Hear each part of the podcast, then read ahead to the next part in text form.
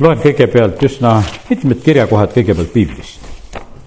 kõigepealt loen Jakobuse kirja teise peatüki kahekümne kuuenda salmi. sest nii nagu ihu ilma vaimuta on surnud, nõnda on surnud ka usk ilma tegudeta. siis loen Ehvesuse kirja teise peatüki algusest jumal on teinud elavaks ka teid, kes te olite surnud oma üleastumistes ja pattudes, milles te varem käisite selle maailma ajastu viisil, vürsti viisil, kellel on meelevald õhus, vaimuviisil, kes nüüdki on tegev sõnakuulmatute laste seas kelle seas ka meie kõik varem käisime oma lihalikes immudes, tehes liha ja mõtete tahtmist mööda ning olime loomu poolest vihalapsed nagu teisedki. aga Jumal, kes on rikas alastuselt, on meid koos Kristusega teinud elavaks oma suure armastuse pärast, millega ta meid on armastanud. kuigi me olime surnud üleastumistes, armu läbi te olete päästetud ning on meid koos temaga üles äratanud ja asetanud taevasesse olukorda Kristuses Jeesuses. mul on üks mõte, mis ma tahtsin nagu nende loetud salmidega ütelda, siin on jutt sellest, et, et kui vaimu ei ole ihus, siis ihu on surnud. hiljuti ma vaatasin, Youtube'ist vaatasin Venemaa külasid, mis on täiesti maha jäetud. ja seal on noh, ütleme päris palju kindlasti neid külasid ja üks mees, kes käib ringi käib filmimas neid mahajäetud majasid, siis osad on suured, suured külad, suured ilusad majad, nagu Venemaal need ehitatakse kõigi nikerduste ja värkidega.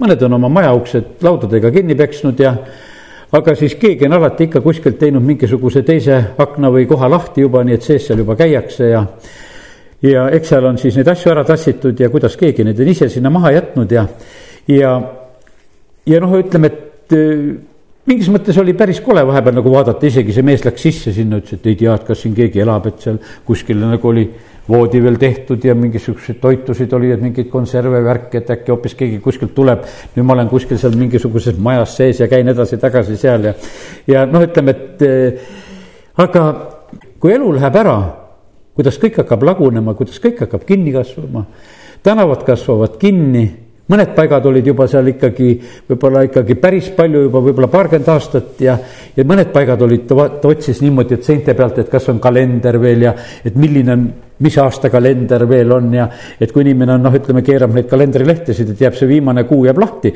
et ja siis läks minema kalender jäi seina peale, siis tema siis selle järgi nagu püüdis arvata, et millal sellest majast siis on inimesed lahkunud ja, ja nii see on, et vaata, kui, kui elu ei ole siis on lagunemine, siis on häving, siis on surm jumala sõna meile räägib sedasi, et ilma jumalata põhimõtteliselt meil elu ei ole. olgugi, et meie sünnime siia sellesse maailma, ütleme füüsiliselt oleme justkui eh, kõik oleme nagu elavad, kes siia noh, ütleme maailma sünnivad, kellele elu kingitakse ja antakse füüsilises mõttes. aga vaimulikus mõttes jumala sõna tunnistab, ütleb, et olete lihtsalt surnud, olete selles pimedas olukorras eh, tegelikult teil elu ei ole, kellel on poeg, sellel on elu, kellel jumala poega, sellel elu ei ole. ja nii on, et kui meis elu ei ole, siis me oleme määratud hävingule ja alati see on nii, et kui ütleme, elu meist lahkub, siis on hoobilt on tegelikult inimese kasvõi füüsilises ihus on selline kiire lagunemine, vaata, oleme elavad inimesed. kui meist hingevaim välja läheb, kui ruttu hakkab tegelikult see ihu lagunema ja noh, ruttu-ruttu pannakse see inimese silma eest ära, sellepärast et seda ju sellisel moel enam kaua eh, hoida ei saa. ja nüüd on meie issand Jeesus, kes tuleb siia sellesse maailma, ta tuleb tegelikult meid sellest hävingust, sellest surmast, eh, sellest hukust päästma. ta tuleb inimestele elu tooma, surnust elavaks tegema issand tuletas meelde meie ühe, meie Võru koguduse õe surma eh, Võru haiglas. no ta suri kasvajaga ja eks ta ihu oli vaevatud ja ma mäletan, et tookord pani mind väga nagu see imestama, et need ta palatikaaslased, kelle keskel ta suri, need siis ütlesid, tead, kui ilus oli tema surm. ja siis noh, ütleme, et, et noh, mis mõttes üldse saab surm olla nagu ilus, aga vaata, midagi nendele niimoodi paistis, et see oli ilus. meie päästja surm ristil kui ta sureb seal ristil, siis on ju nii, et Rooma pealik ütleb, kuule tõesti, see oli jumala poeg sest et ta oli näinud neid kurjategijaid seal suremas küll ja, ja nüüd on üks täiesti teine surm. keegigi on ristil suremas, palvetab, et isa, anna neile andeks sest nad ei tea, mis nad teevad. ta palvetab nende pärast, kes, kes talle naelu kätesse ja jalgadesse löövad, kes teda risti löövad. noh, ta palvetas eelkõige nende Rooma sõdurite ja üldse nende pärast, kes nagu seda asja täide viisid, sellepärast et nemad olid need nagu need käsutäitjad ja, ja nendelgi oli hoopis see täiesti ju niisugune eriline ülesanne ja eriline kogemus, et mis tegelikult nagu, nagu juhtus piiblis on meil veel Stefanuse surmast räägitud, kui ta seal kivirahe all sureb. ta vaatab ainiti ülesse, teda loobitakse kividega ja tema surm on sellise õnnistusega, et noh, hiljem me teame Apostel Paulust. Tema tuletab ja räägib meelde, tuletab meelde seda ja räägib sellest, et tema oli selle Stefanuse kivideks surm, surnuks viskamise juures et tema, tema ette pandi veel seal riideid maha ja, ja noh, ei oska mina ütelda, kas tema viskas seal kivisid või ei visanud, aga vähemalt oli selle Stefanuse surmamõistmise juures oli tema täiesti kohal. aga see, kuidas see tegelikult nagu sündis, see oli nii, niivõrd eriline, et, et see mõjus väga tugevalt tegelikult Apostel Paulusele ja sellepärast kallid, meie, meie elame siin maailmas ühte sellist elu, mida meie ise ka nagu kõike ei mõista. no hiljuti siin alles ühe naabriga vesteldes, tema käib ka kirikusse ja teise kirikusse, kus ta käib ja, ja, ja ta teab, et meie oleme jumala lapsed ja, ja nii palju, kui me noh, kohtume seal ikkagi siis naeratame, tervitame ja, ja, ja mina küsisin ka, et noh, kirikus käidud ja temal kirikus käidud ja, ja küsin, kuidas läheb ja niisugused väikesed e, jutud ja, ja, ja siis näed sedasi, et ja siis ta ütleb, et aga küll on tore, et te siin elate, see on nii hea, et te siin elate, et see on, talle väga meeldib ja nagu ja ise mõtled, no mis seal meeldida on et üks pere elab ja vahest käib hulga lapsi seal ja kesavad ja karjuvad ja jooksevad ja paugutavad uksi ja, ja tead, et noh, et mis asja, mis asja on sealt nagu meeldida, eks. aga vaata, see ei olegi, kuidas ütelda, selline puhtfüüsiline asi. see on selline, eh, selline vaimne asi, mida, mida saab lihtsalt kogeda. ja, ja sellepärast on nii, et, et meie siin, kes me omame tegelikult seda tõelist elu, mis meil on, see on eh, õnnistuseks ka teistele inimestele, kes on eh, ümberkaudu. ja nii ta on ja nüüd aga laul sada kuusteist, viisteist, et kallis on issanda meelest tema vagade surm. Selles on üks noh, ütleme õnnistusosa, Jeesus ise ütleb sedasi, see on Johannese evangeeliumi kaksteist, kakskümmend neli, kus ta räägib sedasi, et kui nisueva ei sure, eh, siis ta jääb üksi, kui ta sureb, siis ta kannab palju vilja. ja, ja sellepärast on see nii, et, et, et ega, ega meil on niimoodi, et kui me näiteks noh, paneme kevadel kartuleid maha või, või teeme mingisugust külvi või viskame seemneid maha. no ega me midagi ei leina sedasi, et oi sa kartulakene, nüüd sa siin varsti mädaned ja sured ja tead, et sa annad oma elu ära, tead, et. et eh, noh, muidu kui ma oleks külmkappi pannud, võib-olla oleks veel sind kuidagi hoidnud, tead, eks. aga nüüd, nüüd me tegelikult noh, nagu paneme sind sinna mulla sisse surema, aga me viskame hoopis selle kartuli sinna mulla sisse selle teadmisega, et sealt tuleb vili, sealt tuleb õnnistus. ja, ja sellepärast on see nõnda, et, et issand eh, tegelikult tahab, eh, et meie siin samamoodi, kes me elame siin selles maailmas, on isegi öeldud nagu meie elu sellise otsa koha pealt on öeldud eh, sedasi, et, et et me paneksime nagu tähele, kuidas inimesed lahkuvad, kuidas, kuidas nad hüvasti jätavad. ja, ja ma usun seda, et, et võib-olla praegusel ajal on noh, ütleme see inimeste lahkumine noh, sageli on see selline, et et inimesed ju viiakse ära, tead, et kes on haiglas ja kes on kuskil narkoosi all või süstide all ja, ja tead, ei ta sulle enam seal räägi ega ütle midagi. vanasti, kui inimesed elasid oma taludes ja kohtades ja, ja kui keegi lahkumas olid, siis olid teised ümber ja vahest kuulsid neid viimaseid sõnu ja, ja soove ja palveid ja õnnistusi ja, ja see oli nagu tegelikult nagu selline väga ilus ja oluline, mida, mida nagu sellistel hetkedel ka inimesed said veel nagu ütelda. ja, ja sellepärast me näeme sedasi, et jumal ütleb sedasi oma sõnas, et, et selles on on üks selline õnnistus. sellepärast, et, et nagu tähele panna sedasi, et kuidas inimesed nagu lõpetavad ja, ja, ja et ka selle kaudu õnnistused jääksid nagu levima ja, ja jääksid ka edasi. ja, ja sellepärast täna, nagu ma ütlen, et me räägime sellest, et meie oleme tulnud surmast elusse. siin selles maailmas, noh, ütleme praegusel hetkel on niimoodi, et noh, mingisugune surma eest põgenemine eh, on, on käsil. ma mäletan Võrus mul seal üks tuttav mees, noh, tema armastas ikka kepikõndi teha ja ühel korral tuleb mulle vastu seal pargis ja ütleb, et ma põgenen surma eest. no tema tead, ta oli noh, armastas sihukest huumorit ka, eks ta füüsiliselt ennast liigutas ja siis, see oli tema põgenemine surma eest. kallid, me oleme ammu juba surma eest ära põgenenud, sellepärast et me oleme tulnud issanda juurde, tema juures on elu. ja, ja siis on niimoodi, et kas me elame või sureme, sellel ei ole nagu absoluutselt nagu sellist e, erilist tähendust enam sellises mõttes, et me elame isegi, kui me sureme, see Johannese üheteistkümnendas peatükis on e, see mõte. ja, ja sellepärast see, see, kuidas meie siin selles maailmas elame, see on hoopis, hoopis teine olukord sest et surmaprobleem põhimõtteliselt on eh, meie jaoks on täiesti ju lahe, lahendatud asi. Eh, täna eh, meil koguduses oli väga tore näide, mida meie üks õde seal siis jagas, kooliõpetaja, mida ta oma lastega koolis tegi, eks, et, et panid noh, ütleme nendesse ühekordsetesse topsidesse ütles, et pesin veel igaks juhuks need üle, need äh, topsid ja, ja pani sinna siis see leivatüki ja siis mingisuguse õunaviilu, mis nad seal lõikasid, ütleme noh, niisugune värske leib ja, ja, ja õun, õunatükk. ja aga sinna alla äh, selle topsikese põhja nad panid siis, lapsed pidid kirjutama häid sõnu ja halbu sõnu. ja ühte topsi pandi halvad sõnad, teise topsi pandi head sõnad. siis pandi topsid kinni pandi klassis riiuli peale ja nädala pärast vaadati ja nädala pärast oli huvitav tulemus. see, kus olid halvad sõnad, seal oli kõik puhta hallitanud ja, ja kole ja seal, kus olid head sõnad, ütles, et sellel leivatükil oli pisikene, pisikene hallituse killukene oli tulnud selle leivatüki juurde. no mina ise niimoodi mõtlesin, et on ikka hea julgus üldse selliseid asju teha, sest et kui, kui sa laste silma ees teed, lapsed on väga siirad, no kuule kuule, õpetaja, kui sa siin meile mingit jama korraldad, et kui sa räägid, et kuri on paha ja hea on hea ja, ja kui siis nüüd oleksid olnud seal mõlemas topsis need ühtemoodi hallitanud või selline, eh, siis oleks võib-olla noh, ütleme päris raske olukord, aga pane tähele, kuidas on niimoodi, kui sul on julgust sellist asja teha jumal sind häbisse ei jäta, sest et jumal näeb tegelikult nagu seda eh, täna nagu mõeldes veel sellele enne siia tulekut, mõtlesin, et vaata, jumal teeb niimoodi, et eh, kui Iisrael tuleb Egiptusest välja, nelikümmend aastat eh, ei kulu nende riided ja, ja jalanõud, no kõik pole nii vanadki siin tead, et nelikümmend aastat, eks. aga ma mõtlen sedasi, et, et kui meie tuleksime siia noh, ütleme neljakümne aasta taguste riietega no siis me seltskond oleks natukese teist nägu siin, et kes me siin nagu istuksime. sest et vaata, ajas ju tegelikult väga muutub, aga me näeme sedasi, et, et jumal sai peatada tegelikult nagu sellise kulumise ja vananemise.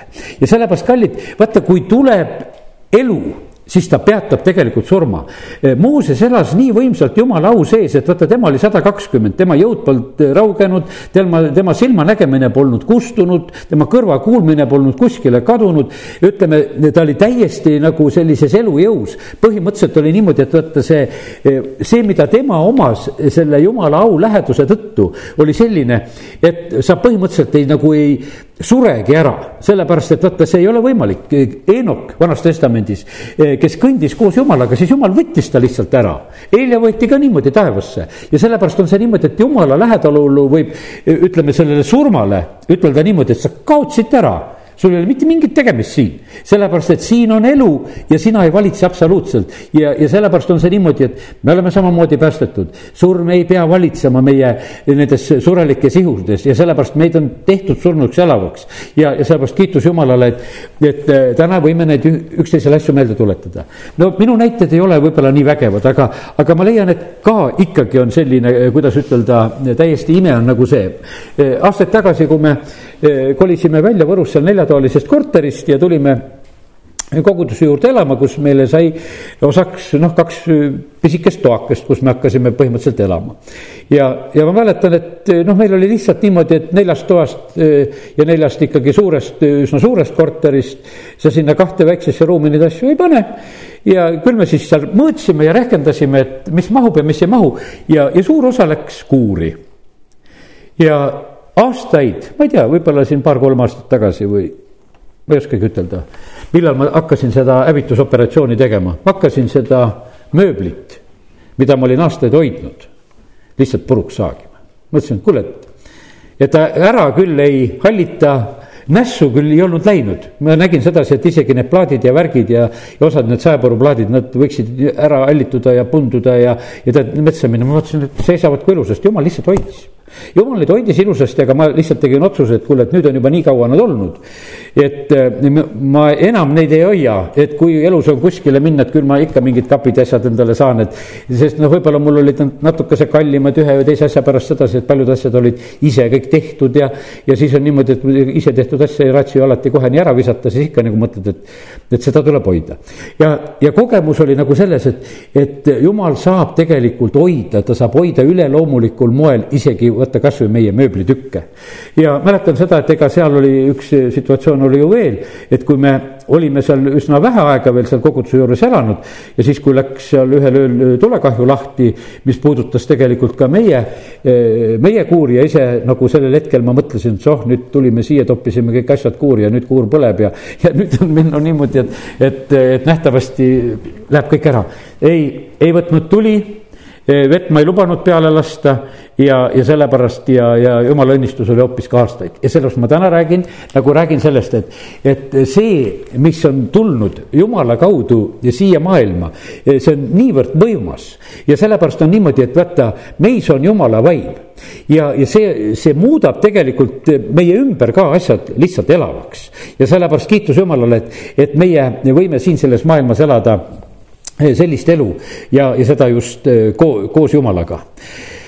Eh, toon selle näite samamoodi ka, kui on just on olnud juttu surmast ja, ja nendest õnnistustest, mis on, kui Ainuga olime ühe ta sõbranna pulmas ja kuidas see pulma peremees kes siis oli seal eh, seda pulma läbi viimas, räägib, et tema on valmis, tema on valmis taevasse minema ja ta oli selline rõõmsameelne mees, noor mees, noh, ütleme ikkagi nähtavasti pereinimene ja selline. ja juhtis seda pulma ja, ja, ja rääkis, et jumala rahvas on laulurahvas ja seal pulmas lauldi palju ja see oli venekeelne pulm, oli see ja, ja, ja kus me seal olime ja ja, ja keegi meist ei teadnud sedasi, et, et kui mees ütleb sedasi, et ma olen valmis taevasse minema et, et ta siis järgmisel nädalal, ma ei oska seda nädalapäeva ütelda täpselt, kui ta hakkas äh, Lvovi lendama, siis, äh, siis oli selline lugu, et see põrkas kokku sõjalennukiga, see reisilennuk ja kõik hukkusid seal peal olid veel mõned usklikud, aga see oli konkreetselt see üks mees, kes oli see pulmajuht, see hukkus ka selles lennukis ja no hiljem noh, lihtsalt mida me kuulsime sedasi, et, et ega noh, ütleme, mis matustki sai olla sellisel noh, lennuõnnetuses hukkunud inimesel, nähtavasti seal polnud mitte midagi eh, noh, ütleme mattagi, eh, aga aga igatahes matus korraldati, aga tuldi kokku ikka ja suur matus oli see, aga mis seal oli see, et, et seal said ka paljud inimesed päästetud sellel matusel. sest et vaata, see oli, see oli selline lugu eks see tuletas inimestele elu kaduvust meelde, et kui äkki võib elu lõppeda, et, et sa ronid lennukisse, lähed lendama ja, ja, ja see on tegelikult on sinu eh, selline eh, viimane sõit. aga kui sa oled valmis, siis ei ole ka selles olukorras ju tegelikult mitte midagi koledat, sellepärast et eh, meie läheme siit sellest maailmast, kus on valud, hädad ja, ja vaevad ja piinad. me läheme ju sellesse paika, kus on hoopis palju parem ja, ja kiitus Jumalale, et see elu, mida meie oleme saanud Jumala käest, seda surm hävitada ei saa. hävineb küll kõik see, eh, kus elu ei ole ja, aga kuhu, kuhu tuleb Jumala elu, siis tegelikult surm taganeb sellest asjast. ja sellepärast kiitus Jumalale, et, et meie võime omada seda elu eh, Kristuses. Eh, meil on selline lugu, et võtta isegi kui eh, lugeda see Johannese evangeeliumi viies peatükk ja kahe, kakskümmend kaheksa salm, et kõik, kes on haudades, kord peavad kuulma Jumala poja häält kõik, kes on autodes, meile võib tunduda selline, et kuule, et mis seal on, et, et kõik saab mullaks ja, ja noh, mitte midagi seal praktiliselt ju inimesest järgi ei jää. ja et mismoodi, mismoodi need autodes olijad siis veel seal midagi kuulda saavad. jumala sõna tõotus ütleb sedasi, et kõik, kes on autodes, saavad kord kuulda jumala poja häält tõustakse üles elu ülestõusmiseks ja, ja, ja tõustakse üles Eh, siis hukkamõistmise ülestõusmiseks. tõustakse üles esmalt elu ülestõusmiseks ja talle pulma minemiseks, see on üks selline huvitav asi. ja ma tahan ühele asjale juhtida tähelepanu, et siin maailmas tuleb see, vaata tuhandeaastase rahuriigi ajal tuleb üks huvitav aeg, kui kurat on seotud. vaata, siis on surm tagasi tõrjutud sest et vaata, praegusel hetkel on niimoodi, et see hävitaja on täiesti siin olemas. ja, ja siis ja, ja ma nagu sellel nädalal nagu saingi huvitava vastuse selle koha pealt.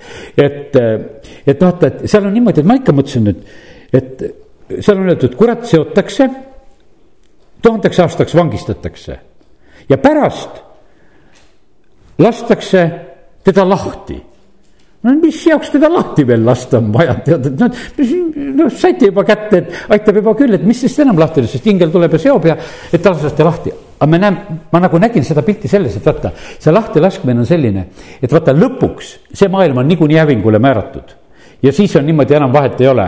siis on niimoodi, et see hävitaja lubatakse ka veel korraks lahti. Ja nii, nii et, et need asjad on, nii et siin, siin maailmas on tegelikult on need kaks asja nagu on väga võitlemas, kallid meie elame selles piirkonnas, näed, teenime issandat, me elame selles piirkonnas, kus on tegelikult elu, kus on valgus, kus on õnnistus. Ja sellepärast kiitus Jumalale selle eest.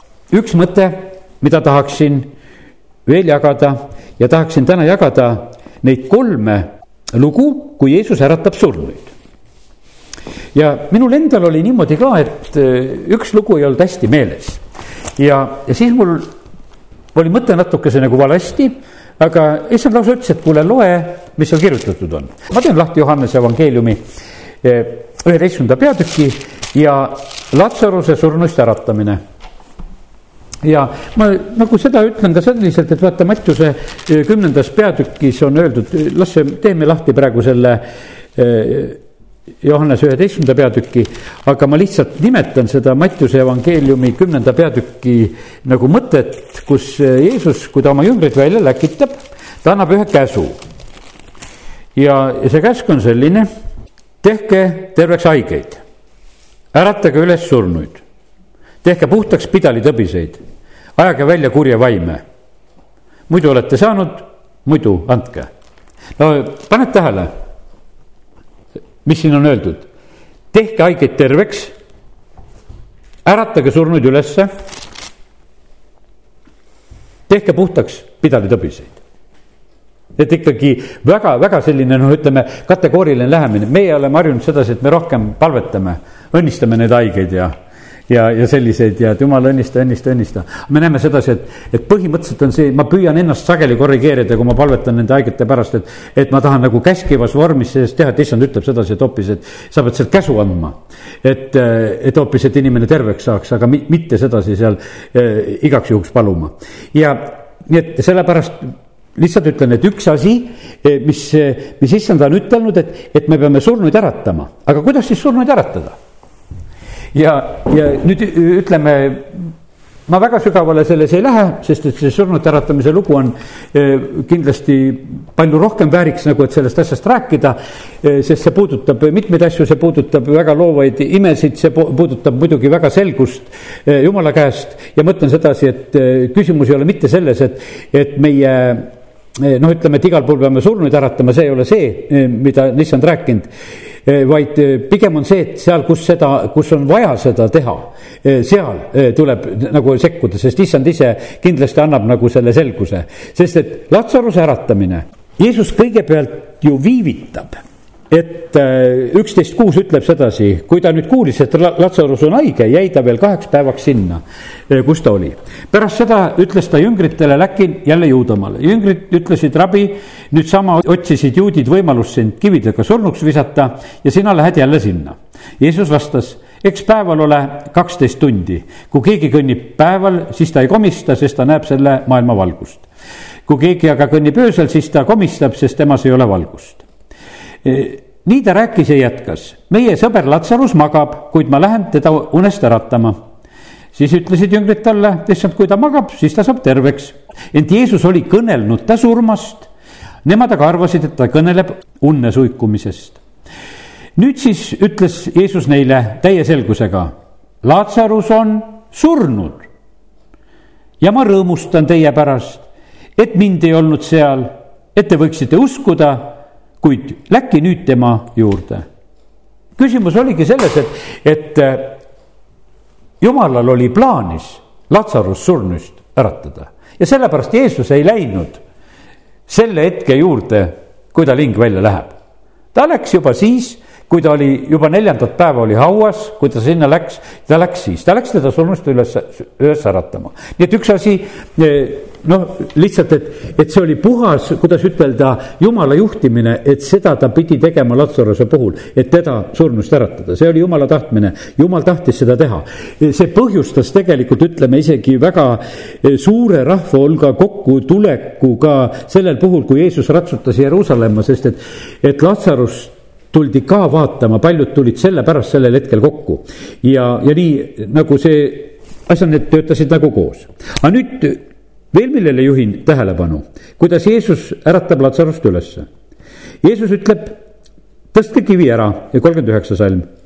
surnu õde Marta ütles talle, issand, ta lehkab juba, sest on juba neljas päev. Jeesus ütles talle, kas ma ei öelnud sulle, et kui sa usuksid, näeksid sa Jumala kirkust siis nad veeretasid kivi ära. aga Jeesus tõstis silmad üles ja ütles, ma tänan sind, isa, et sa oled mind kuulnud. mina küll teadsin, et sa kuuled mind alati, kuid ma ütlesin seda minu ümber seisvate äh, rahva hulga pärast, et nad võiksid uskuda, et sina oled minu läkitanud. ja seda öelnud, hõikas ta valju häälega, Latsarus, tule välja. surnu tuli välja jalad ja käed mähistega mähitud ja ta silmade ümber oli seotud igirätik. Jeesus ütles neile, päästke ta lahti ning laske tal minna. no kuidas seda surnud seotakse? no minu silmakujutuses on see küll niimoodi, et, et seal seoti mõlemad jalad kokku. et ei seotud, et ühe jala mehime ära, teise jala mehime ära, ühe käe sedasi. ikka surnud mähiti ikka niimoodi, et kuule, see pundar võeti kokku, surnud on surnud, pandi ära ilusti, käed seal rinna peale või kuidas, eks. ja, ja kuidas veel seal juutide matmise kombed, aga ta oli mähitud. see on juba ise suurime, et tule välja. sest et kui sa oled niimoodi seotud, kui sa oled neli päeva surnud ka veel olnud, isegi kui sa oled mõne päeva voodis lamanud, sul on juba raske tulla. aga kui sa oled juba neli päeva surnud ka olla, aga tule nüüd välja, et hakka siis tulema.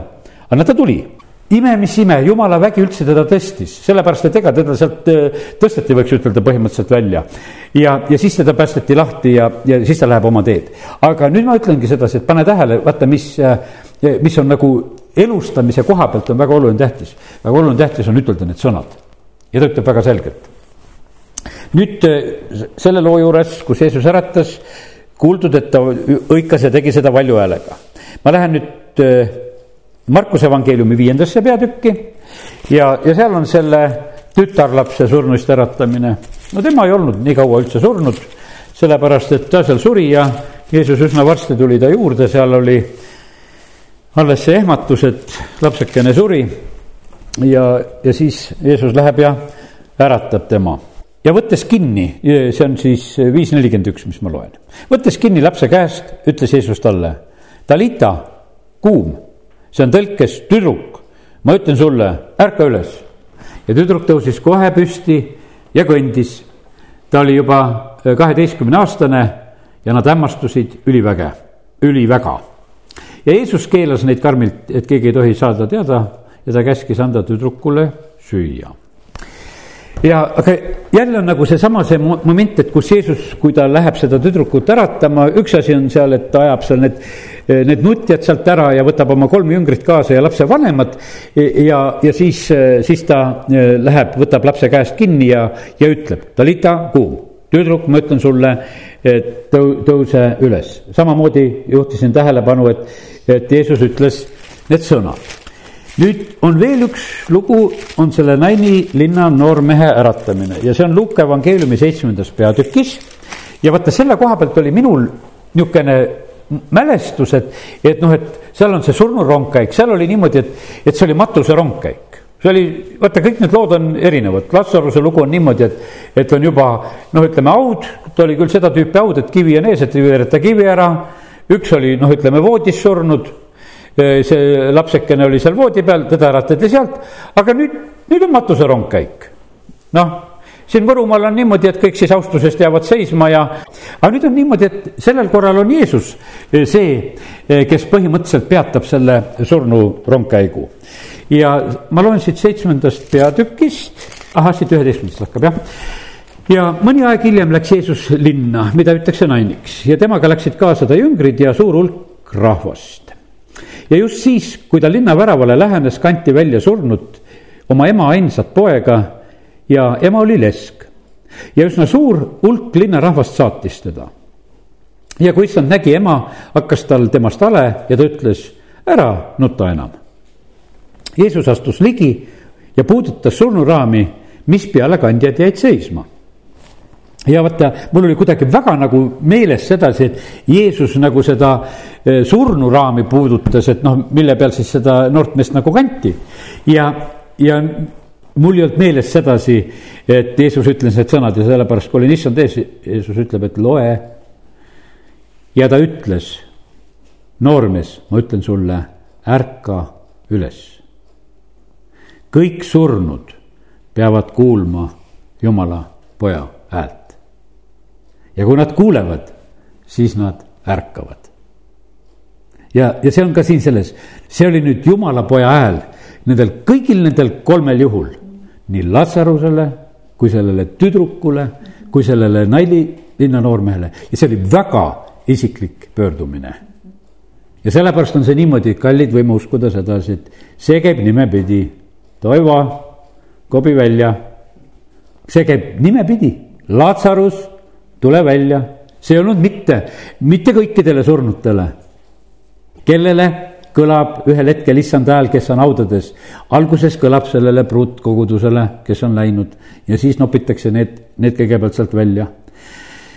ja surnu tõusis istuli ja hakkas rääkima ja Jeesus andis poja ta emale tagasi ja kõiki haaras kartus ja nad ülistasid Jumalat ja ütlesid, meie seas on tõusnud suur prohvet. ja Jumal on tulnud hoolitsema oma rahva eest ja see jutt levis kogu Juudamaale ja kõikjale ümbruskonda. Sest et eks siin oli selline, et oli ju väga selgelt ka ära rõhutatud see, et äh, sellel naisel oli juba, mees oli surnud, see oli tema ainus poeg, nüüd on poeg ka surnud ja me näeme sedasi, et, et issand lihtsalt äratas selle noore mehe veel ülesse, et ta võiks olla ka oma emale veel toek, toeks ja abiks. aga täna meie nagu hoopis õppisime seda, et eh, kuidas need asjad käivad. Me oleme, üks asi, me oleme vaimulikus mõttes oleme te, tehtud sur, surnust elavaks, sest et kui sõnakuulutus meile kostab siis need inimesed, kes võtavad vastu issanda sõna, eh, võtta ja saavad päästetud, saavad meelevalla saada jumala lapseks ja, ja on üks, tegelikult on üks eh, võim-, võimas asi. ja, ja sellepärast on see niimoodi, et ja vaata ja meie, kes me nagu jääme selle sisse, et me jääme nagu seda issand häält kuulma, et eh, sõna ütleb sedasi, et minu omad tunnevad minu häält. ja vaata, küsimus on selles, et, et vaata, kui me niimoodi järjest käime kasvõi koos ja oleme jumala rahva osaduses, palvetame, loeme, laulame, siis me nagu harjutame seda, et jumala poja hääle kuulmine nagu meelest ära ei läheks. Sest et me peame seda häält tundma, sest et see, see on see tähtis häält, ta ütleb, minu omad tunnevad minu häält. Ja see suhe on väga, väga isiklik tegelikult, eh, mis, mida me oma issandaga omame ja, ja kiitus Jumalale, et ma usun, et see on meile suureks tegelikult julgustuseks ja õnnistuseks, et kui võimas on tegelikult meie issand. amin